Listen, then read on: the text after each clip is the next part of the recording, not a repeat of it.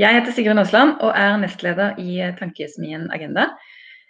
I dag skal vi snakke om et av de virkelig store politiske spørsmålene. Et av de viktigste, kanskje. Eh, skole er en viktig sak i alle valgkamper, og det er også et spørsmål som angår alle. Alle tilbringer nå minst ti år av livet i skolen. Eh, etterpå skal vi kanskje jobbe i skolen, eller ha barn som går på skolen, eller ansette noen, eller jobbe sammen med noen som selv har gått på skolen. Og det har vært konsensus og enighet om mange viktige hovedtrekk i utdanningspolitikken i Norge. Eh, og samtidig så er jo ikke skolepolitikken fri for partipolitisk konflikt. Gjennom flere tiår har det vært høy temperatur i debatter om eh, konkurranse, måling og testing, privatskole, religionsundervisning og styring, for å nevne noe. Og for velgerne eh, er også skole typisk en viktig sak. Eh, I 2017, forrige stortingsvalg, så var utdanning viktigste sak for én av fem velgere. Og Samtidig så er jo skolen et område som er komplekst, og ingen sitter vel egentlig på alle svarene. Ofte blir det enkeltsaker som overskygger de store veivalgene. Vi har lyst til å grave litt mer i dette. Hva er det som ligger bak ulike syn på tester, på firerkrav til lærere, på inntaksregler til videregående skole og på skolemat? Er det bare kos på venstresiden og strenge krav til høyre? Eh, og hva er egentlig forskjellen på en kunnskapsminister fra Høyre og Arbeiderpartiet? Vi har fått med oss to eh, flinke skolepolitikere som jeg tenker sikkert godt kunne tenkt seg den jobben begge to. Eh, vi skal eh, også forsøke å få tid til spørsmål eh, fra dere, så de kan dere skrive i chatten. Men først har altså min kollega Aksel Fjelldali gjort et stykke forarbeid. Han har lest de nyeste partiprogrammene, forsøkt å få ut av de hvor de store skolepolitiske uenighetene ligger. Så før vi slipper til politikerne, så skal vi høre fra Aksel Fjelldavli om hva du har funnet ut. Vær så god, Aksel. Takk for det. Jo, um, alle partiene har jo lagt fram uh, utkast til programmer med egne kapitler om skole i alle sammen. Og de skal jo diskuteres på partiene sine landsmøter gjennom våren. Og der står jo partiene i prinsippet fritt til å vedta akkurat den politikken de måtte ønske, også uavhengig av det som står i programutkastene. Men hvis vi ser på eh, disse dokumentene eh, og ser det i sammenheng med eh, skolehistorikk over tid og partiene sin politikk over tid, så går det an å trekke opp noen, noen overordna betraktninger om hvordan høyre- og venstresida skiller seg fra hverandre i skolepolitikken, og hvor det er likheter. Uh, og Jeg har skrevet et uh, nytt agendanotat der jeg prøver å gjøre uh, nettopp det. og løfte blikket litt opp mot noen grunnleggende forskjeller i ideer som gjør at man lander litt forskjellig i, i, konklusjonene rundt disse enkeltsakene som du nevner, om hvor skoler skal. Eh, så en sånn eh, grunnleggende forskjell, eh, som jeg ser det, er knyttet til synet på hva som er viktig kunnskap, hva som er god læring. Og ser vi på partiprogrammene, så ser vi at alle, alle partiene beskriver skolen på et eller annet vis som en kunnskapsformidler. Men i synet på hvordan kunnskap det er, og hvordan denne skal formidles, så skiller partiene seg fra hverandre. Eh, og En sånn eh, observasjon som går an å gjøre, er jo at eh, sånn som jeg ser det, Høyre og Fremskrittspartiet har et litt det vi kan kalle et litt smalere kunnskapsbegrep enn de øvrige partiene. hvis vi ser i Høyre sitt program, så er det f.eks. en sterk vektlegging av lesing, skriving, regning. Og det er ganske tydelig at partiet skal formidle dette som sentralt i sitt Eh, begrep om kunnskap, eh, mens ord som si, skapertrang, eh, demokrati, dannelse ikke er nevnt. og Da, da er det ikke disse ordene spesifikt jeg tenker på, men ord generelt som peker i retning av et bredere kunnskapsbegrep eller en bredere forståelse av hva en kunnskapsskole er, fremgår ikke i Høyres program som jeg leste. Eh, til venstre for disse to partiene så finner vi i større grad en bekymring for at skoler f.eks. har blitt eh, for teoretisert og for lite praktisk. Eh, formuleringer som eh, peker i retning av nettopp en sånn bredere eh, kunnskapslæringsforståelse. F.eks. når KrF snakker om ei skole for hele mennesket, eller når eh, Senterpartiet snakker om en mer praktisk skole. Og denne forskjellen på lærings- og kunnskapssyn i praksis vil jo vise f.eks. I, i debatten om seksåringene i skolen og hvilken plass lek og praktisk læring skal ha for de aller yngste. For der får vi jo denne møtet mellom hva jeg skal si, eh, barndommens verden og voksenlivets krav. Det blir liksom satt enda mer eh, på spissen for de, for de aller yngste. Eh, et annet sånn grunnleggende skille det er jo den her klassiske eh, synet på eh, fellesskoler og eh, skoler som en institusjon som nettopp skaper fellesskap i et samfunn med forskjeller. Og det er jo en, en, en verdi som kommer til konflikt i, konflikt med, med, andre ideer og verdier om skoler. F.eks. Eh, politikken eh, for privatskoler, så ser vi at dette eh, kommer til uttrykk. Hvor Solberg-regjeringa jo har eh, endra eh, det som heter eh, da, privatskoleloven til en friskolelov, som gjør det enklere å starte privatskoler. Eh, og, og, i programmene så ønsker vi også flere privatskoler velkommen i, i programutkastene for 2021. Og Fremskrittspartiet ønsker f.eks. en fri etableringsrett for eh, privatskoler, gitt at de oppfyller krav til kvalitet. Um, og, og, og, da er jo uh, de rød-grønne på motsatt side og, og, ønsker å stramme inn adgangen til å starte privatskoler med en begrunnelse om nettopp at uh, en fellesskole bygger uh, ja, fellesskap, nasjon, lokalsamfunn osv. Tilsvarende så finner vi jo i flere av de borgerlige partiene sine programmer ønsker om å teste ut eller gå i retning av mer oppdeling av klasse etter faglig nivå. Eh, saker som fritt skolevalg eller karakterbasert inntak. Eh, og igjen så er jo det eksempler på saker der verdien av fellesskap, en felles skole for alle, står opp mot andre verdier som kan være viktig i eh, skolepolitikken. Eh, et tredje tema eh, som kan trekkes opp, er jo eh, dette med styring, måling, tillit. og etter innføringa av Kunnskapsløftet, nasjonalt kvalitetsvurderingssystem, nasjonale prøver, så har det jo gått mange politiske debatter om det her. Eh, og den har typisk også eh, til en viss grad fulgt et høyre-venstre-mønster. Um, og i programutkastene for 2021 eh, så finner vi også det, hvor sentrum-venstrepartiene har en, til felles en, en, kritisk innstilling til omfanget av testing og måling i skolen. Og der er det jo i større grad enn tidligere en enighet om denne problembeskrivelsen, sånn som jeg leser programmene, selv om det er uenighet om hvordan man skal gå frem, eh, hvor langt man skal gå eh, osv. Eh, og på høyresida, kanskje spesielt i Høyre, så tenker man ikke sånn. Og i Høyre sitt program finnes det flere nye forslag til nye eh, kartlegginger og, og, prøver. Og disse, disse, forslagene kan jo ha flere forklaringer. Bl.a. kan det være knytta til eh, lærings- og kunnskapssynet, som jeg nevnte i starten. Og det kan handle om et syn på hvordan er det man løfter kvaliteten i skolen, og i, i hvor stor grad er det knytta til det som faktisk kan måles. Eh, og så er det jo selvfølgelig mye som er eh, til felles eh, mellom partiene i, i, programmene også, selv om jeg har lagt vekt på forskjellene til nå. En likhet er jo en bred enighet om at en viktig vei til en god skole går gjennom den kompetente læreren. Eh, og styrking av lærerutdanning, etter- og videreutdanning har jo både vært en viktig satsing for denne regjeringa og er noe som eh, ser ut til å være en, en, enighet om skal være en viktig satsing på tvers av eh, partier. Men så er det jo forskjell òg, f.eks. til i denne debatten om såkalt avskilting av lærere. Eh, altså om kompetansekrav med tilbakevirkende kraft for de som allerede eh, jobber i skolen. Eh, så jeg tenker jeg eh, runder av der, og så gleder jeg meg til å høre hvordan eh, Mathilde og Torstein tenker rundt disse tingene her. For det er klart at partiprogrammene som jeg har lest og, og tenkt litt rundt, forteller mye om partiene, men det er mye som også ikke står der. Og vi vet jo at partier både til høyre og venstre vil forsøke å fremstille seg i sine fineste klær i et partiprogram, mens i realpolitikken så er det kanskje andre ting som kommer frem.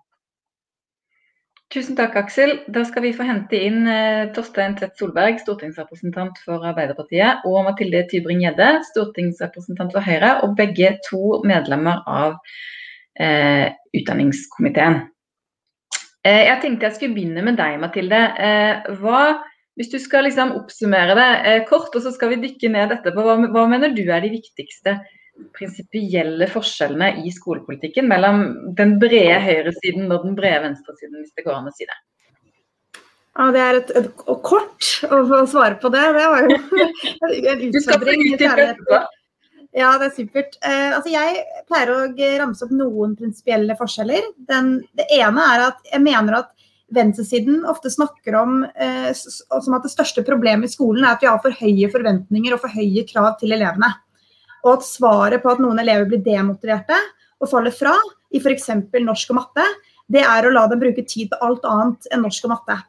Mens uh, jeg mener jo at det største, største problemet i norsk skole er at vi har for lave forventninger for enkelte elever Enten det er gutta i skolen, det er elever som får spesialundervisning, elever som ikke tilpasser seg den skolen vi har på en måte forma litt sånn A4.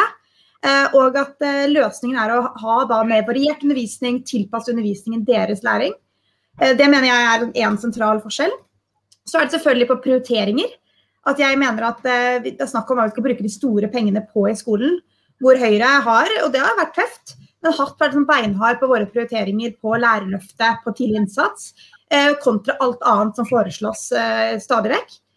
Eh, og så vil jeg si en tredje ting, da, for å ta dette med, med kunnskapssyn. Altså, er det én ting som står på en måte ganske sterkt i, i en sånn konservativ tradisjon, så er det opptatt av skolen som en dannelsesarena. En skole som skal faktisk sikre like muligheter. Men jeg synes det er ganske påfallende hvor raskt deler av venstresida er på å bagatellisere at du har skoler som har svake resultater over tid. Enten ved å si Eh, ja, men dette måler bare en liten del av skolens samfunnsoppdrag. Eller ved å si at ja, men vi har veldig mange elever som har den og den bakgrunnen, og derfor går det dårlig. Eh, jeg har jo troen på at skolen kan utjevne sosiale forskjeller. Og jeg har aldri vært på en skole hvor elever ikke klarer å lese, skrive og regne, men de er veldig kritiske, har demokratiforståelse, refleksjon, refleksjon og fullfører videregående. Eh, så jeg skulle nok ønske at venstresiden, og i motsetning til Høyre, hadde vært like opptatt av å ikke bare detaljstyre hva lærerne gjør, fordi at venstresiden går ganske langt i å ville f.eks. detaljstyre antall minutter man har fysisk aktivitet i, i timene. Eh, men eh, kunne vært like opp, mer opptatt av hva elevene faktisk lærer til slutt, og ha åpenhet om det. Og jeg mener jo det er mer tillitsbasert ledelse av en skole enn å detaljstyre innhold i undervisningen. Mm. Torstein, du skal få samme spørsmål. Hva er de store, viktige forskjellene? Eh, ja, altså Sånn sett er jo Mathilde eh, godt eh, inne på de. Og jeg synes også de siste årene så har det blitt enda tydeligere hva som er forskjellen på høyresida og, og venstresida. Det, dette er jo egentlig meg og Mathildes favorittdebatt. det eneste vi er 100% enige om, er at vi er ganske uenige i, i, i, i skolepolitikken. Og det er bra og gøy å kunne få fram det. Eh, jeg vil trekke opp en ting som Mathilde ikke eh, nevnte, eh, som kanskje er litt rart, men som Aksel nevnte. For Det viktigste for Arbeiderpartiet er jo å ha en god offentlig fellesskole. Og de siste årene, gjennom, eller de siste åtte årene, når Høyre nå har styrt, så har han fått det største angrep på den offentlige fellesskolen siden Kristin Clemet sin massive privatisering på tidlig 2000-tall. Det er nesten dobbelt så mange elever som nå går på private, eh, private eh, skoler. Gjennom den liberaliseringen av lovverket så har han åpnet opp for såkalte profilskoler, som gjør at en nå får eh, inndelinger og, og, segregering helt ned i eh, ungdomsskole og barneskole, som jeg syns er en kjempealvorlig og negativ eh, utvikling som egentlig sakte, men sikkert liksom bryter opp det som har vært det viktigste med fellesskolen, at alle uansett bakgrunn møtes, og gjør at vi er på vei mot det. Jeg er redd for den segregeringen i skolesystemet som en ser i Sverige og, eh, og eh, Storbritannia. Og nå er det faktisk fem milliarder totalt sett som forsvinner ut fra fellesskolen til de private skolene. Da begynner du å snakke om prioriteringer, Mathilde. Det er fem milliarder som jeg gjerne skulle brukt på å bygge en bedre eh, fellesskole, og ikke på de eh, private. Eh, og så vil jeg òg si, som, som, det andre, dette med et bredere eh, kunnskaps, kunnskapssyn. Og Der skal jeg være ærlig med å si at vi har tydeliggjort politikken vår i, i Arbeiderpartiet. For jeg synes nå jeg, jeg ser konturene av en eh, skole som under høyrestyret har blitt altfor teoretisk, eh, altfor stillesittende. Og der vi som politikere må være ærlige på at det rett og slett ikke lykkes i det som jeg mener noe av, av det viktigste, å gi alle barn like muligheter. Når en har blitt så opptatt av de teoretiske ferdighetene, så er det altfor mange som ikke lykkes i den norske skolen nå pga. sånn som vi har organisert den, fordi de ikke er så f.eks. teoretisk sterke. Eller òg i motsatt ende, alle de som nå får skolevegring pga. et sånt puggepress eh, og, og, blir, eh, og blir syke av det mål- og rapporteringshysteriet som, eh, som, er. Og så er jeg helt uenig med Høyre om at å ha et bredere kunnskapssyn ikke handler om læring. Det er det de gjør. Men for oss så handler det om både læring og mestring, ikke kun rapportering og testing. Og at kunnskap er mer enn det du kan eh, måle. Eh, men der er jeg fornøyd med at vi er såpass uenige. Du skal få svare på det, Mathilde. Jeg å, for jeg har lyst til å gå, gå, først inn på dette med eh, skolens formål og, og, og, kunnskapssyn, og se om det er noen liksom, tydelige forskjeller. Eh, skolen skal jo utruste individet, og du var inne på sånne grunnleggende ferdigheter. Eh, er det noe konflikt mellom skolen som en slags eh, kunnskapsfabrikk som på en måte skal utstyre individet med disse tydelige ferdighetene, og skolen som en samfunnsbygger og dannelsesinstitusjon. Eh, er det en konflikt f.eks. mellom best mulig resultater for den enkelte og en felles skole for alle? Kan du dykke litt ned i det? Det kan jeg gjerne, gjerne gjøre. Svaret på det er nei. Eh, fordi at, er, det, at vi er helt avhengig av at elever klarer å lese, skrive og regne, og samtidig at man har et dannelsesoppdrag i norsk skole. Og jeg tror eh, når man for eksempel, La oss si nasjonale prøver, da, som Torstein Tvedt Solberg nå, eller Arbeiderpartiet er veldig usikker på hva de mener om. Hvis du er på det laveste nivået på nasjonale prøver i 8. klasse, så er det 30% som fullfører videregående skole. Og Da kan man godt eh, eh, late som at det bare er en liten del av skolens samfunnsoppdrag, men man har ikke lykkes med skolens samfunnsoppdrag, uavhengig om du mener det er bredt eller smalt, dersom du har veldig mange elever som ikke lærer å lese, skrive og regne. Og Jeg, jeg mener at den, den motsetningen som tegnes er veldig kunstig. Eh, for jeg mener at en god skole er en skole hvor du har et godt læringsmiljø. Hvor trivsel og, og lærings, eh, altså mestringsopplevelse går hånd i hånd og bygger opp hverandre. Eh, og hvor du faktisk klarer å skape et, et, et læringstrykk, samtidig som du klarer å ha en opplevelse av trygghet og fellesskap. Så jeg, jeg mener at Det som jeg synes er mer urovekkende, er at, at det, det var jo Torstein egentlig inne på, at jeg opplever en sånn venstredreining i mye av skolepolitikken også til Arbeiderpartiet, hvor vi egentlig har liksom de gamle konfliktlinjene fra 90-tallet. Hvor vi er tilbake der hvor med en venstreside som er veldig opptatt av å snakke om innholdet i klasserommet, altså hvordan lærerne skal undervise.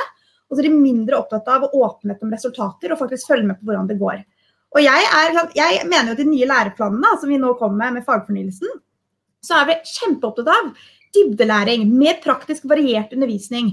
Jeg mener helt åpenbart at det er viktig for å kunne klare å tilpasse undervisningen til hver enkelt. Og selvfølgelig ikke stillesitting foran en tavle i en halvtime eller en time funker for syvåringer i skolen. Men jeg mener samtidig at vi har ikke lykkes dersom man ikke, ikke klarer å gjøre det samtidig som man lærer å lese, skrive og regne. Uh, og jeg, jeg syns den måten å bagatellisere svake resultater på, og forskjeller mellom kommuner og skoler, er litt urovekkende. fordi dette handler om å gi unge like muligheter uansett hvordan det går. Og det virker litt sånn, også Aksel hadde sin fremstilling her, at det virker som vi på en måte har glemt at eh, skolen på 90-tallet eh, ja, du hadde du detaljstyrte innhold og var ikke, så, var ikke, så, opptatt av resultater. Men vi hadde en skole med veldig store forskjeller mellom, mellom, eh, mellom elever, og sosiale forskjeller gikk i arv. Eh, det var veldig mye aktiviteter, men det var lite mål om hva aktiviteten skulle føre til av læring.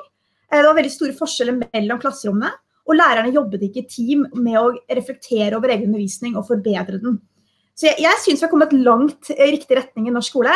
Eh, men jeg mener jo at man kan klare det samtidig som man har variert praktisk undervisning for de elevene som, som trenger det. Mm. Eh, vi skal gå litt eh, i forlengelsen av dette eh, inn i kvalitetsbegrepet. Fordi Aksel var inne på at det er en viss uenighet i hvor mye man tenker kvalitet kan måles. og Dere har jo også vært inne på det i det dere har snakket om til nå. Hvis vi begynner på skolenivå, da. Hvordan er det vi måler kvalitet i skolene. Og er det riktig som Mathilde sier, Torstein, at, at venstresiden eh, ikke er opptatt av eh, dårlig kvalitet i enkeltskoler? Det vil jo si er helt eh, feil, men ganske avslørende og egentlig en grei presisering av hva Høyre mener om, om kunnskap og deres ganske snevre kunnskapssyn. Så skal jeg gi Mathilde rett i at det har vært en tydeliggjøring i Arbeiderpartiet sin politikk. Og jeg er veldig glad for at vi nå er tydelige på å ta et oppgjør med det som jeg mener har vært Høyres eh, og Kristin Clemets eh, tiår altså, med testing i norsk skole. Det Etter PISA-sjokket så har en egentlig hatt testing og konkurranse som medisinen på å svare på alle, eh, alle, eh, absolutt alle spørsmål. Eh, og Det bekreftes jo sist nå med de, med de siste utspillene til, til, til, statsråden, og sånn sett det som Aksel òg drar opp fra Høyre sitt, Høyre sitt parti, partiprogram. Og Problemet mener jeg med det er at det, det reduserer jo læring. Så når Mathilde snakker om å lese, skrive, og regne er viktig, ja, det er det er i hvert fall Arbeiderpartiet og Høyre helt enige om. Spørsmålet er hvordan skal du legge til rette for at elevene lærer å lese, skrive og regne. Og Da kan du ikke redusere den undervisningen til kun de tingene som Mathilde elsker å teste i nasjonale prøver eller i andre i andre eh, progresjonsprøver og alle de der jordene som, som høyresida nå finner opp når de skal finne på, finne, på nye, eh, finne, på nye, tester. Du mister veldig mye av de viktige delene av læringen. og der mener jeg at eh, Det er ikke en diskusjon om 90-tallspolitikken. Jeg mener Høyre nesten er tilbake til 1800-tallsskolen. Der de er mer opptatt av å sitte stille i, i, i klasserommet å pugge de teoretiske ferdighetene, og ikke ta inn over seg det som er det si, moderne, nye kunnskapsbegrepet, om at du lærer på flere måter enn ved å sitte stille og pugge. Og la meg ta et veldig konkret eksempel på hvordan eh, det er Høyre som har tatt oss i feil retning, og at det ikke gir de gode resultatene. Og Det er seksårsreformen. Der, når den ble eh, innført, Høyre la på ekstra eh, læringsmål og mer timetall for de aller aller yngste elevene. Den enkeltgrepet som har gjort at seksåringene nå, de første skoleårene, at de årene er så eh, stillesittende. Og en hopper bukk over det som var Stortingets ønske om å utvikle en lekbasert pedagogikk. For det er òg mulig å lære gjennom å å, å, leke og være aktiv og få lov at disse ungene får lov til å være, eh, lov til å være eh, eh, små. Det har Høyre eh, satt en eh, stopper for, har det nå blitt, blitt, avslørt.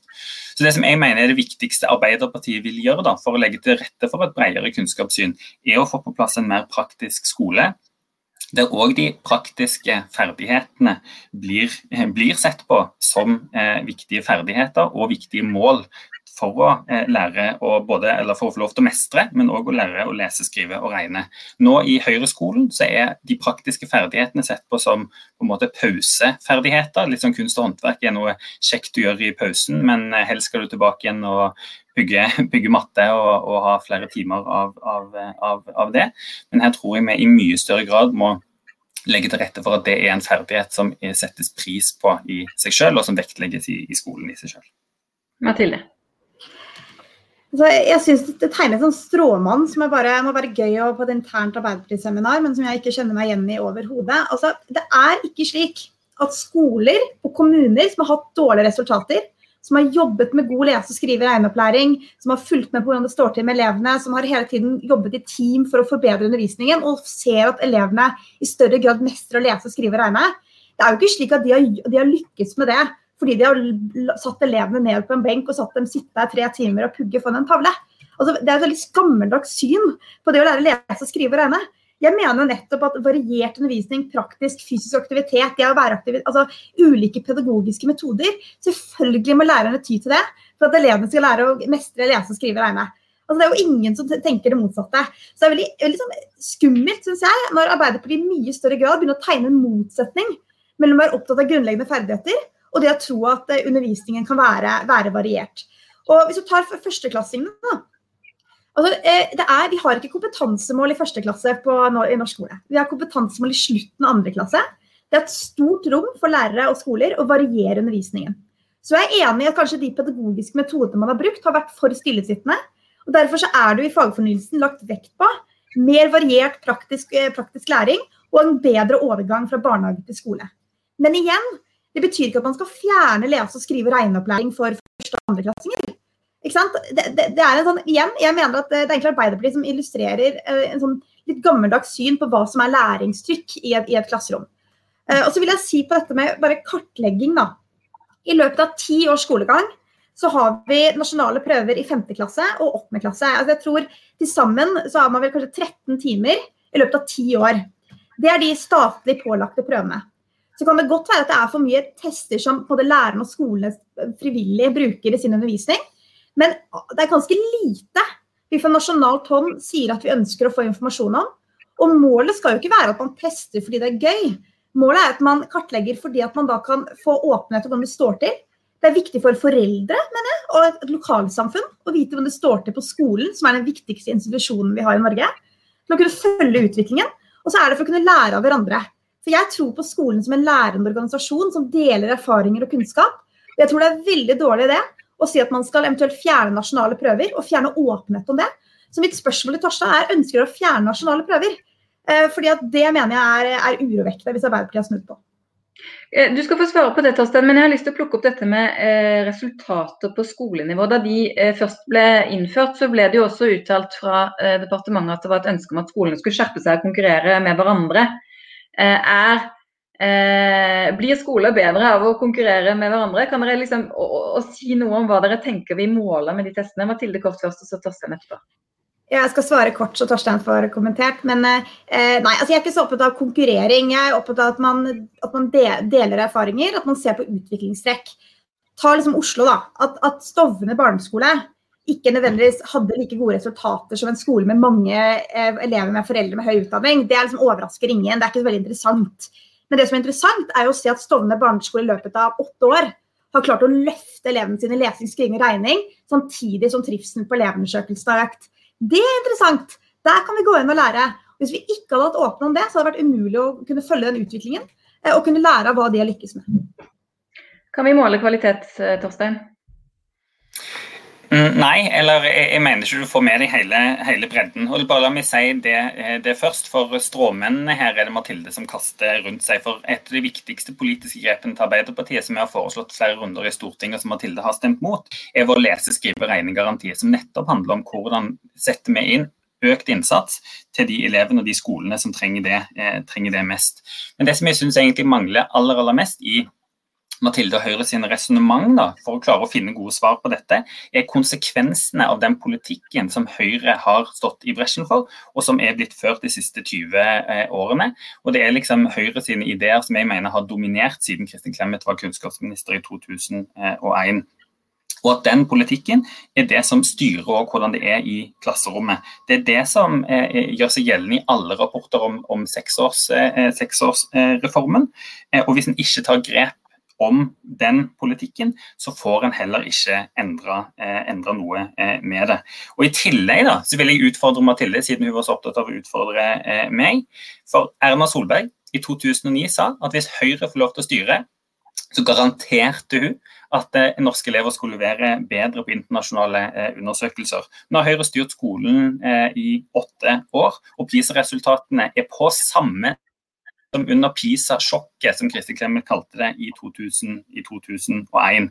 Så Det er det som jeg mener er det viktigste oppgjøret med den høyreskolen som nå har vært. At den gir ikke de resultatene som vi trenger. Den gjør at flere på en måte faller fra, flere ikke mestrer på skolen, flere blir syke. og Da må vi få på plass en, en, en, en ny og annen eh, retning. Og Det er der jeg ikke har tro på at testing og konkurranse er den riktige, eh, er den riktige medisinen Eh, i, eh, i, det hele, i, det hele, tatt. Og Du hører jo når Mathilde snakker om testing, at hun tror at en test, en nasjonal prøve, eller på en måte kall testen hva du, hva du vil, gir resultater på alt. Men en test, altså om det er hvor, eh, Nå, nå skal en jo innføre en ny sånn progresjonsprøve som skal være en digital adaptiv test. Altså Uansett hvor digital og adaptiv den nye obligatoriske nasjonale testen som, som regjeringen nå skal innføre eh, blir, så vil den ikke kunne måle eh, all, alle ferdigheter. Og Det er der jeg mener at eh, Høyre avslører sitt ganske gammeldagse kunnskapssyn. At alt handler om hvor eh, hvordan og hva du kan eh, måle, ikke hva du kan lære. For det her er sånn sett, i, liksom, i det store spørsmålet da, som du egentlig spør oss litt om, eh, Sigrun, jeg mener liksom en, en avspor litt av hva som det egentlig er det viktigste i skolen. Det viktigste er jo å lære seg å, å, å, å mestre, få økt kunnskap, sånn at du kommer inn i arbeidslivet. Og det norske arbeidslivet nå, det er liksom fremtidens arbeidsliv, er ikke opptatt av de tingene som Mathilde er så opptatt av å å teste. En er opptatt av ferdigheter og endringer. Det, altså, det vi trenger mest av alt, er jo eh, fagarbeidere. Den praktiske ferdigheten kommer til å være viktigere enn noen gang eh, framover. Og så helt til slutt på dette med testing. Arbeiderpartiet vi vil fikse nasjonale prøver. Og Der er det jo ganske alvorlig nå at eh, regjeringen selv har innrømt at nasjonale prøver ikke fungerer etter intensjonen. Da er svaret til Høyre da skal vi innføre en ny prøve på toppen av nasjonale prøver. Da sier vi at vi må i hvert fall fikse de nasjonale prøvene. Og Jeg er også veldig kritisk til sånn skolebidragsindikatorene, de progresjonsprøvene som vi nå skal innføre, fordi det stjeler tid. Jeg har mye mer tro på og tillit til at elevene som er, nei, lærerne som er i klasserommet, som møter elevene hver dag, ser hva som, eh, hva som, trengs, og de trenger mer tid og tillit for å følge opp de elevene, ikke nye byråkratiske tester som stjeler, stjeler tid. Du skal få svare på det, Mathilde. Og så har det kommet veldig mange spørsmål i chatten. Og så har jeg lyst, når du, når du har svart på, for jeg ser du igjen vil ha ordet på det Torstein sa, eh, å komme litt inn i eh, individuell målbarhet av kvalitet. Eh, og en, et sånn kjernespørsmål som jeg vet dere er uenig i, er eh, karakterbasert opptak til videregående skole. Så hvis du kan liksom avslutte innlegget litt, litt med hvorfor du mener det er en god idé eh, å basere inntak på videregående på karakterer fra grunnskolen. Vær så god, Mathilde. Ja, tusen, eh, tusen, takk. Eh, bare for å ta Arbeiderpartiets lese- og skrive-regnegaranti først. Altså, I 2015 så sa Arbeiderpartiet, Trond Giske og Jonas, at man da skulle kartlegge elevenes lese-, skrive- og regneferdigheter i slutten av første klasse, i slutten av andre klasse. Med andre ord flere kartleggingsprøver. Men nå har Arbeiderpartiet snudd igjen, og dette gjelder liksom de fleste saker. Enten det er kompetansekrav til lærere, nasjonale prøver, eh, så har Arbeiderpartiet endret mening mange ganger de siste ti årene. Så det er vært vanskelig å holde tritt på hvor, hvor, hvor man har Arbeiderpartiet. Og så syns jeg Torsteins historiefortelling om det, hva som skjer i norsk skole nå, eh, er, et, er litt, litt merkelig. Altså, ta utviklingen fra Reform 97 hvor du endte opp med å ha veldig mange elever med svake grunnleggende ferdigheter til i dag. Vi ser at elevene i 5. klasse eh, leser mye bedre, og at forbedringen har vært størst hos barn med minoritetsbakgrunn. Altså Man har i mye større grad klart å løfte elever som tidligere falt, falt fra. Man ser at man har flere som fullfører videregående skole, nettopp fordi de har bedre grunnleggende ferdigheter i bånn. Eh, vi ser at det er flere som velger yrkesfag, og også flere som fullfører på yrkesfag. Så det er en sånn jeg må si at eh, jeg syns det er en veldig sånn svartmaling av en del viktige utviklingstrekk i skolen som Arbeiderpartiet egentlig burde være stolt av. For de var jo med på, nasjonale, på å innføre eh, Kunnskapsløftet og synet på at man ikke lenger skulle detaljstyre innholdet i skolen, men være opptatt av overordna mål eh, og oppfølging. Og så eh, syns jeg at eh, det er noe med tillitsbegrepet her som er litt merkelig. fordi at jeg har veldig stor tillit til at gode lærere i fellesskap Eh, har metodeansvar, altså velger ulike pedagogiske metoder for å gi god undervisning til sine barn. Men jeg har jo ikke blind tillit slik at man ikke skal følge med på om elevene lærer det de skal i løpet av ti år. Det er jo politisk ansvar eh, at man følger med. Og jeg mener faktisk at det, at det er viktig for skolen òg.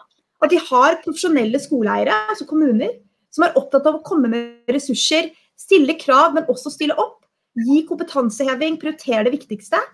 Og jeg er nok enig med Torstein i at nasjonale prøver, som for øvrig eh, De som er mest, eh, mest positive til det, er jo nyutdanna lærere som opplever at kommunene er på at de får oppfølging. Eh, de er positive til hvordan det kan brukes.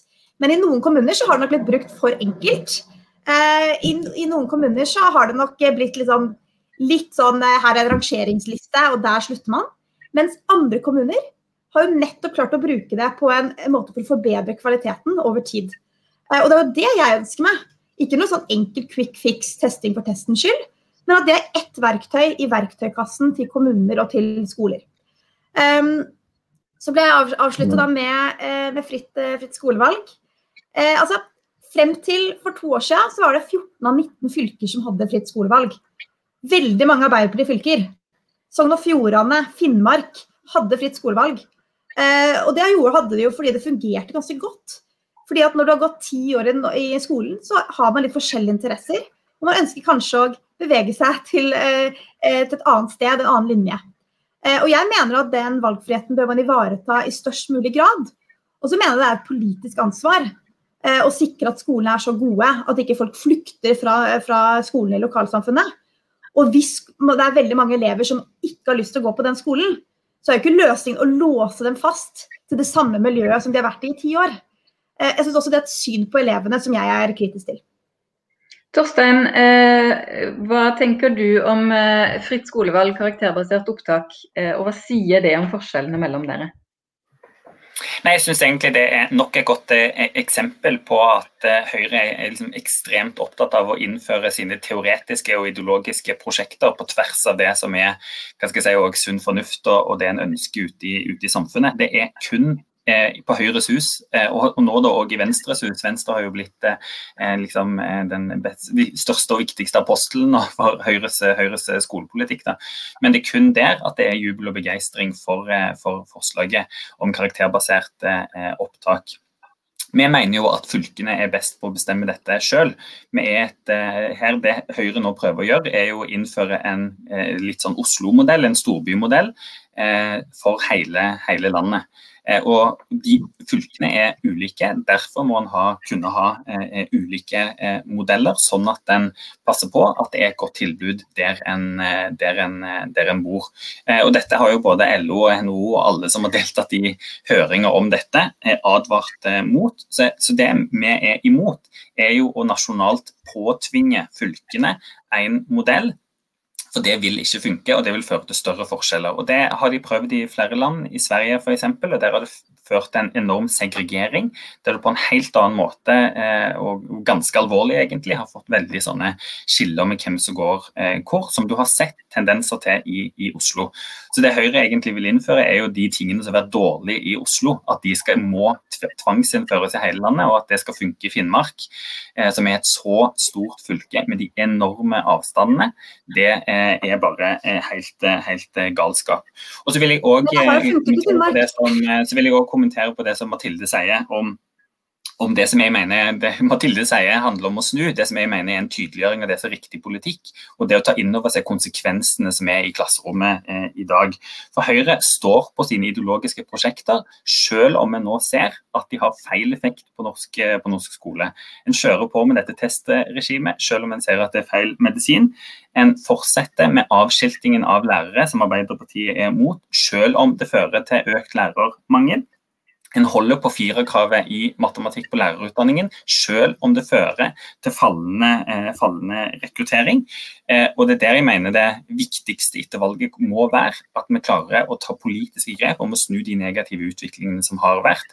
For Jeg er den første og jeg er helt enig med, med alle som sier at det skjer veldig mye bra i norsk skole. Det er ikke det det, det, det står på, men vi politisk må ta ansvar for de negative, eh, de negative å, eh, å, snu de. Og der er det alvorlige eh, eh, utviklinger som, som, Høyre bare står og ser på. Ok, vi, må, eh, vi kunne fortsatt på kvalitet og måling, men vi må litt videre eh, til eh, kan, jeg få, kan, jeg få, kommentere? Ja, du kan få en veldig kort replikk, og så skal vi videre til styring og organisering. Vær så god, Mathilde. Tusen takk. altså, fritt skolevalg har man hatt i Finnmark i veldig mange år. Det har blitt 21% færre borteboere, samtidig som man har hatt fritt skolevalg. I Sogn og Fjordane, det fylket hvor det er flest som fullfører, eh, så har man også hatt fritt skolevalg eh, lenge. Og det har gjort det mulig å opprettholde yrkesfaglige linjer, som kanskje hadde vært for snevert dersom det kun var inntaksområde i, nær, nærskolen. Så fritt skolevalg har fungert mange steder, og jeg mener at det bør være en elevrettighet å kunne velge mellom noen flere skoler etter ti år på kanskje det samme miljøet på den samme skolen. Og det er mange gode grunner til at ungdom ønsker å flytte, flytte bort. Men da er jo spørsmålet Mathilde, hva du skal endre. Det er jo det vi sier òg, at dette kan fylkene bestemme sjøl. Hvis du sier det har fungert godt i Finnmark, hvorfor skal du påtvinge dem en nasjonal eh, ordning? Fordi at det, det, det, nå, det stemmer jo heller ikke. Den nasjonale modellen du vil innføre, det er jo ikke det samme som det Finnmark vil. Derfor er Finnmark på alle fylkene mot. Ja, altså, Mathilde, eh, etter, etter, 2019 så ser man nå at det er flere rød-grønne fylker. og jeg kan godt legge til at Det har blitt veldig mye kaos nå, inntaks, nå med inntak, eh, som har endra på det nå i det siste. Hvor man har redusert valgfriheten til elevene såpass kraftig at jeg mener at det bryter med det som bør være en elevrettighet å kunne velge mellom flere skoler. Så Det det er utgangspunktet for at vi ønsker å gjøre en endring. Eh, og så vil jeg bare si at eh, jeg har liksom Arbeiderpartiet både på kompetansekrav, på karakterkravet 4, på fraværsgrensen, eh, på nasjonale prøver, så har Arbeiderpartiet endra mening ganske kraftig eh, bare de siste årene, litt ut ifra hvem som er talsperson i, i Arbeiderpartiet. Eh, og det er et sitat fra 2008 som jeg syns er ganske interessant.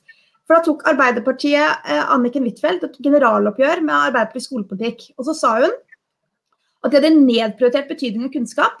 Når én av fem leser for dårlig, går det ikke an å unnskylde det med at han er jo sosialt integrert og deltar i gymmen. Det var sitat fra Anniken, eh, Anniken Huitfeldt. Og jeg er veldig enig i det. At eh, skolen igjen har veldig mye de skal få til, men man kan ikke bagatellisere eller bortforklare det at man har svake resultater over tid. Og så mener jeg at testing som sagt, jeg er ikke for å ha masse flere tester i skolen. Eller, altså, jeg er for at man har noen viktige milepæler der man kan faktisk følge med på om elevene lærer å lese, skrive og regne. Fordi jeg mener at det faktisk er såpass grunnleggende i skolens samfunnsoppdrag. Og så er det ikke slik at det betyr at det ikke er opptatt av dybdelæring. Det å være kritisk tenkende i en tid hvor det er så mye informasjon vi blir oversvømt med. Jeg er veldig opptatt av at man lærer det å kunne lære å lære at det er ferdigheter man trenger i fremtidens arbeidsliv. Men da må man ha grunnleggende ferdigheter i bånn. Det er det viktigste man kan gjøre for sosial utjevning. Jeg skal trekke inn Aksel kort før vi går videre. Når du sitter og hører på disse to som krangler, Aksel, eh, blir du noe klokere på hva de er uenige om i kvalitetsbegrepet? Altså, jeg tenker jo Kvalitet kan jo forstås på eh, mange ulike måter, og det blir det jo også forstått som eh, i, i, skolen. Eh, kvalitet kan jo være kvalitet i form av hvilken utvikling som skjer i skolen. Kvalitet kan være eh, mer gå på liksom, kompetansen til eh, lærere osv. Og, så eh, og jeg, jeg tenker jo den grunnleggende forskjellen her er jo i hvilken grad man forstår kvalitet som eh, standarder, egentlig. Eh, som kan eh, måles, og i hvilken grad eh, kvalitet skal være sentrert rundt disse, disse, tingene her. Og Det ser man jo også i eh, Høyre sitt program når man snakker om skoleeiere. Det er jo der kvalitetsbegrepet kommer, kommer særlig inn, og der det handler om at skoleeier kan måle kvalitet. Eh, og Det er jo særlig da eh, kvalitetsbegrepet blir, eh, blir brukt av Høyre. da. Mens i andre partier sine program så blir det mer generelt er det bare et synonym for bra, og ikke nødvendigvis noe målbart. Mm. Litt i forlengelsen av det, jeg har lyst til å snakke om måling, og, men som styringsform. Altså, alle var jo enige i sin tid om nasjonale kvalitetsvurderingssystem, opprettelsen av Utdanningsdirektoratet og, og en, en, mye større grad av eh, måling av kvalitet. Eh, og så har noe endret seg der over tid, som du også skriver om, Aksel, i hva man tenker om styring av skolen. Eh, en, en, kanskje en, slags tretthet eh, med eh, mål- og resultatstyring. Mathilde, gir mål- og resultatstyring og, og, og prøver og kartlegginger en bedre skole? Ja, Det kommer an på hvordan det brukes. Så det er, det er, viktig å si. altså Det å kartlegge seg selv, hvis det brukes av kommunepolitikerne til å plutselig pålegge liksom et sånn snevert program Nå skal vi plutselig satse på lesing, for det sliter vi med. Og så er ikke det forankret i fagforskning eller fra grasrotnivå hos lærerne og på skolene, så funker det jo helt åpenbart ikke. Så, så enkelt er det ikke. Men alternativet, å ikke ha informasjon om hvordan det står til på skolene, Eh, og ikke kunne ha muligheten til å lære av hverandre og følge med på med elevene eh, lærer litt om grunnleggende ferdigheter, den mener jeg er, er, er ganske alvorlig. Så noe av, det, noe av, det, vi har vært opptatt av, har vært å styrke både skoleledere med skolelederutdanning, og styrke kommunene som skoleeiere, slik at de blir mer profesjonelle i hvordan de følger opp skolene. De kan ikke følge opp med detaljstyring, det funker ikke for å få til god, eh, god pedagogisk utvikling. Men man kan følge opp med ressurser, kompetanseheving, støtte. Og så er det da eh, lærerne i fellesskap som må på en måte reflektere over egen undervisning, hvordan den kan forbedres. Og Der har, vi, der har det skjedd mye. for Tidligere så var liksom læreren litt sånn privatpraktiserende i et klasserom. Mens nå snakker man i mye større grad om profesjonsfellesskap på skolene som utvikler undervisningen, eh, undervisningen videre. Eh, sånn at Her er det liksom ikke sånn enkelt eh, ja eller nei. Eh, men jeg tror alternativet, eh, som er eventuelt å gå tilbake til det vi gjorde på 90-tallet, der man detaljstyrte antall minutter som skulle være gruppearbeid i undervisningen, fordi politikerne tenkte det var bra. Men så var vi ikke opptatt av å ha åpenhet om hvordan det sto til med faktisk læringen på slutten av året. Det tror jeg er en veldig dårlig, dårlig modell. Eh, vil jeg si at Vi kan ikke måle alt i skolen. Altså, Skolens samfunnsoppdrag er så bredt at det kan man selvfølgelig ikke måle. Det er jo ingen som sier det heller. Men det du måler med nasjonale prøver i lesing, det er om elevene har lært å lese. Og så lenge man mener det er viktig, så syns jeg det er veldig uheldig at man bagatelliserer og bortforklarer det.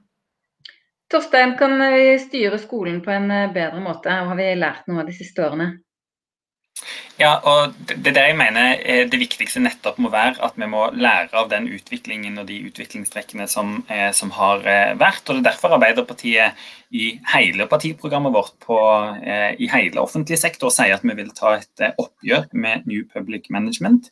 Den type målstyring og den type standardisering. Fordi vi ser at eh, i sektor etter sektor så har det ført eh, på, på, eh, på, helt gal, eh, gal, vei.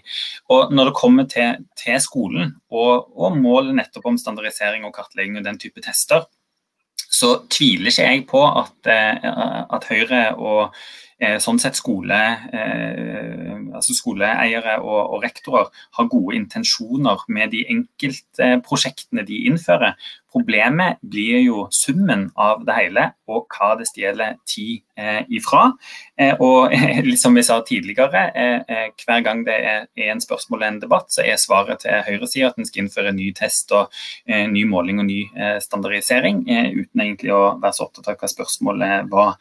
og Det stjeler tid fra, fra læring og gir unødvendig merarbeid. En ser det til og med nå nede i barnehagen, der det siste prosjektet til regjeringen er å innføre en ny type kartlegging som alle fagfolk der er, er, imot. Og en skal på en måte, ja, som har vært innom disse progresjonsprøvene og alt det, bare kjøre på. Så alternativet til dette for oss er en tillitsreform i, i skolen, som nettopp eh, i mye større grad enn en, en, en klarer nå, handler om å gi fagfolkene i eh, skolen den tilliten de fortjener til å følge opp de enkelte elevene. Og tid eh, må, de ha, må, må de ha i tillegg for å kunne følge det opp på en, eh, på en god eh, måte. Og Det må bety da politisk fra oss i mye større grad litt sånn eh, eh fingrene fra fatet, og ikke den detaljstyringen. Jeg synes jo også Det er beskrivende da at når Mathilde skal prøve å se et alternativ til New Public Management, så må hun liksom tilbake igjen i fortiden.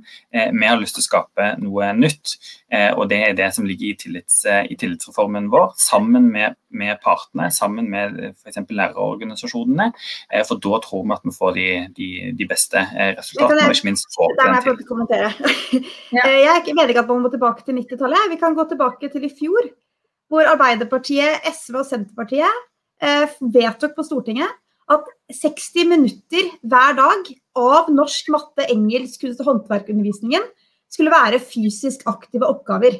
Altså Fordi man ønsket fysisk aktivitet og ikke var villig til å betale for én ekstra time, så ville man heller detaljstyre antall minutter i ordinær undervisning.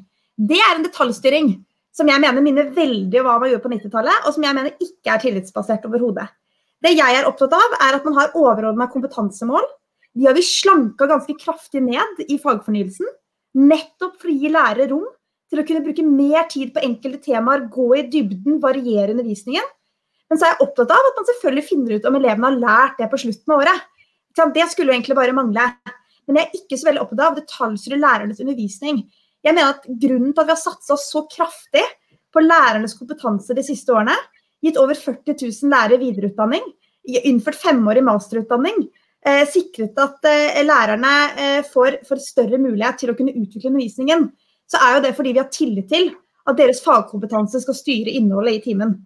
Eh, så jeg mener at, at den tillitsreformen som, vår, eh, som Høyre står for, er mye bedre for lærerne i skolen enn Arbeiderpartiet, som stadig vekk har nye ideer om hva som skal detaljstyres av undervisningsmetoder. Eh, og Det er jo det, det er der jeg mener faktisk en ganske sentral konfliktlinje her er. Ja, jeg har lyst til å trekke inn Aksel her, fordi eh, av og til så kan man jo få inntrykk av at eh, begge alle vil ha stor frihet i skolen. Men er det noe slags dilemma mellom det å eh, gi stor frihet, mindre detaljstyring, og i den andre enden da eh, måle mer? Eh, er det det som på en måte er motstykkene her. Hva tenker du om det, Aksel? Altså, det er jo en debatt i skolen som går bl.a. om hvordan man skal eh, løfte eh, hva jeg skal si, eh, den profesjonelle læreren. Da. Hvordan skal man drive med profesjonsutvikling i skolen. Og Dette var jo bl.a. et regjeringsnedsatt ekspertutvalg som diskuterte forskjellen på det de kalte profesjonalisering ovenfra og profesjonalisering nedenfra. Og Det er jo helt definitivt et, et dilemma mellom rommet eh, altså det, det, kan oppstå eh, dilemma mellom hvordan profesjonen driver med uh, utvikling av sin virksomhet nedenfra, og de kravene og detaljstyringa som kommer ovenfra. Og så vil det jo være en diskusjon eh, i hvilken grad, hvor mye, når dette er en konflikt. Men at det kan oppstå konflikter mellom de to, tenker jeg det ikke er tvil om. Mm. Det har kommet inn en del spørsmål om, om læreren, så jeg har lyst til å, å, svinge innom det før vi eh, runder av. Fordi, og som du var inne på, Aksel, alle vil ha gode lærere. Jeg tror ikke det er noe uenighet om det. Og så er det kanskje litt uenighet om eh, hvordan man får det. Det er en i, i chatten jeg, som har spurt om dette med vektlegging mellom eh, faglærere og andre funksjoner i skolen. Er det noe politisk uenighet der? Eh, og så har vi jo denne liksom, helt konkrete uenigheten med firerkrav i matematikk eh, for lærere. Eh, Torstein, er det for snevert syn på eh, lærerens kompetanse i skolen? Ja, både, både, ja og nei. Et, et veldig stort spørsmål, eh, eh Sigrun. Og, og, hva skal jeg si til til dette med, med, bredden, det er vi veldig opptatt av, eller det en kanskje ofte kaller laget rundt, eh, rundt, eh, eleven. Det at læreren skal få tid til å være eh, lærer, og at det er nok ressurser til å kunne liksom følge opp elevene skikkelig i det som på en måte lærerne står i i klasserommet hver eneste dag. Da trenger du òg gode barne- og ungdomsarbeidere, sosialarbeidere, miljø, miljøterapeuter og alt sånt i tillegg. og Da trenger du ressurser for å klare å følge opp det på en, eh, på en god eh, måte. og F.eks. den enorme satsingen som Arbeiderpartiet har i vårt partiprogram på SFO, tror jeg vil være eh, viktig der. og kvaliteten eh, og, eh, ja, rett og slett kvaliteten der. Men, men det, altså, selve lærerspørsmålet tror jeg håper jeg egentlig kommer til å være en av de viktigste liksom, temaene skolepolitisk i denne valgkampen. og Det handler mye om det som vi var litt inne på, den utviklingen som har vært de siste årene. Høyre sin politikk har ført til en økende lærermangel. Det har ført til fallende rekruttering. Det er nå færre som søker seg til lærerstudiet. Eh, og I tillegg så har Høyre åpna bakdøra for ukvalifiserte. Nå en dobling i antall ukvalifiserte som underviser i norske klasserom. Og Da mener jeg at liksom de realitetene ute i skolen på en måte viser at, eh, at Høyre sin politikk, det er liksom å snakke om hvor viktig læreren er, har gått i helt feil retning. Og Det viktigste grepet for oss da er å både ansette flere lærere, det å fjerne avskiltingen med tilbakevirkende kraft. Jeg tenker nesten den er viktigere sånn, på en måte også, en, en, en firerkrav til og med, for det, det, vil ta litt tid. Men avskiltingen er, er, er, viktig å få gjort noe med med, med en gang. Men men òg firerkravet for lærerstudiet, da, når man ser samtidig at det fører til fallende, fallende rekruttering. Det er jo ingen forskning som viser at det er en sammenheng mellom at hvis du er god i matematikk, så blir du en god lærer. Dette gjør nå at vi mister eh, dusinvis av flinke norsklærere, engelsklærere, naturfagslærere, som jeg kunne tenke at Mathilde var opptatt av, siden hun er så opptatt av eh, lesing, eh, eh f.eks. Og Derfor mener vi at det må ha et mer målretta opptakssystem som i mye større grad er linka til de fagene du skal undervise til, ikke på en måte rigid er linka til, eh, til, matte. Og så ser jeg jo at I Høyre sitt program og det Høyre nå sier, er at de skal bare ha enda mer krav og enda mer eh, karakterer eh, for, eh, for lærer, lærerstudentene. Jeg tenker det er viktigere hva som kommer ut av eh, lærerskolen, og at det er faktisk nok da, som kommer ut av lærerskolen, eh, og ikke, ikke det vi ser nå, med fallende rekruttering og enormt frafall. Mathilde, læreren, er de gode nok? Altså, det er bare for å ta Det siste, det viktigste er jo hvem hvor mange vi utdanner til å bli lærere. Altså, ikke, ikke hvor mange nødvendigvis som starter, hvor mange som fullfører. Og Etter at vi innførte karakterkrav 4, så har vi da fått rekordmange kvalifiserte søkere til lærerutdanningen. Eh, og vi ser også at flere fullfører lærerutdanningen. Også de eksamene i matematikk som tidligere var, hadde et skyhøy strykprosent. Så Det er jo på en måte det viktigste, at man får flere lærere ut, og at man også ser at eh, statusen til læreryrket har, har økt så er det jo slik at i norske klasserom i dag, uansett hvor mye man vrir og vender på det, så er, det nå, er lærertettheten høyest på tolv år. Vi har fått over 4000 flere lærere inn i norsk skole, samtidig som over 40 000 lærere har fått videreutdanning. Så det har vært en storskilt satsing på eh, lærerløftet de siste årene.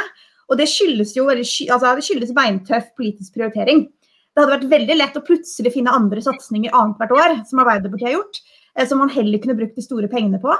Mens vi ganske konsekvent har prioritert eh, lærernes eh, kompetanse over, over, tid. Og så vil jeg si at det å at Arbeiderpartiet gikk jo til valg i 2013 på å innføre kompetansekrav i flere fag. Det var, det var et stort løfte fra Arbeiderpartiet da. Eh, og så innfører vi det i 2015, og så var de for, og så mot, og så for, og så var de mot igjen. Jeg mener at det at alle lærere som underviser i norsk, matte og engelsk, har fordypning i norsk, matte og engelsk rundt omkring i norske skoler, uavhengig av hvor man bor i landet, altså jeg mener det er en grunnleggende at man har faglig oppdaterte lærere i de fagene. Og helst i alle fag. Og det bør også være en målsetning over tid. Eh, og jeg syns det er rart å mene at liksom, noen lærere ikke skal, ikke skal, få den muligheten til å ta videreutdanning, og at det visstnok ikke er så viktig. Syv av ti lærere som har tatt videreutdanning, forteller at de blir bedre lærere av det. Det betyr ikke at de var dårlige lærere før, men det betyr at undervisning og kompetansepåfyll faktisk virker.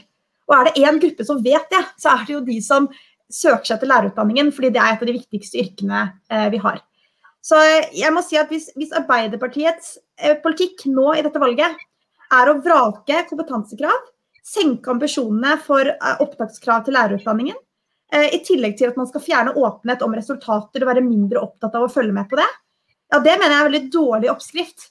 Eh, hvis tanken er at flere elever skal fullføre videregående skole, og at man skal utjevne sosiale forskjeller i Norge. Da svarte du jo egentlig på eh, mitt siste spørsmål til deg, Mathilde. Hva er du mest redd for? Eh, hvis Torstein og hans meningsfeller skulle få makten, og da skal du få svare på det, Torstein, og så skal vi gå inn for landing. Hva mener du av, av, hvis du skal velge noe av det vi har snakket om, er den viktigste endringen skolen trenger? Nei, det er, det er den ene, da. Det er jo det vanskeligste spørsmålet politikere i en starten av en valgkamp kan få. det egentlig. Men nå tror jeg nesten jeg vil tilbake igjen til, til, til, starten. Det viktigste mener jeg som norsk skole trenger nå, det første vi må i gang med etter, etter vi har forhåpentligvis vunnet, vunnet valget, er å eh, legge til grunn et bredere kunnskapssyn. Og det, for det handler jo om en, mener jeg, en grunnleggende endring fra barnehage til liksom, barneskole, ungdomsskole, videregående og til og med liksom, i høyere, høyere utdanning, der en i mye større grad vektlegger og anerkjenner praktiske ferdighetene. Jeg mener jo egentlig det er det viktigste grepet en kan gjøre for å hindre, hindre, eh, hindre frafall eh, og sånt. Og Det er jo egentlig svaret i det siste som Mathilde tar opp med, med hvorfor vi er, hvor vi er uenige på etter- og videreutdanning. Det er eh, liten uenighet på Stortinget om at etter- og videreutdanning av lærere er viktig. Vi bør være stolte av det en har fått til for den yrkesgruppa, bør egentlig være opptatt av å få det til for flere eh, yrkesgrupper. Men her òg har Høyre lagt til grunn sitt snevre kunnskapssyn. Det er det eneste en får etter- og videreutdanning i, der de store pengene prioriteres, er på en måte disse liksom, basisferdighetene. Og det er nesten ingenting på liksom, si, de brede fagene og muligheter for f.eks. praktisk-estetiske fag å ta å få, eh, få etter, eh, etter og, og, og, videreutdanning. Så jeg mener egentlig at eh, oppsummert da, at det viktigste grepet som må tas, er å legge til grunn et bredere kunnskapssyn. Ta et oppgjør med New Public Management og, og få vekk denne test- og konkurranseskolen som, som, som Høyre har stått i bresjen for, som jeg mener liksom er, ja, er motsetningen da, til det, det brede kunnskapssynet. Jeg registrerer at Mathilde ikke er enig. Hun rister eh, iherdig på hodet. Ikke så overraskende. Eh, jeg skulle gjerne fortsatt eh, å snakke med dere. Tusen takk for veldig kloke og refleksjoner fra begge to, alle tre. Min konklusjon er at det er mye vi er, eller dere er enige om, men dere blir nok aldri helt enige likevel. Eh, last gjerne ned eh, etter hvert Aksels notat om hva han tenker er de store, viktige forskjellene. Vi kommer i agenda til å fortsette å jobbe med disse spørsmålene. Eh, eh både fram mot valget og lenge etterpå. Eh, så debatten er ikke ferdig ennå, men tusen takk for at dere var med i dag begge to. Eh, og takk til alle dere som så på. Ha en kjempefin dag.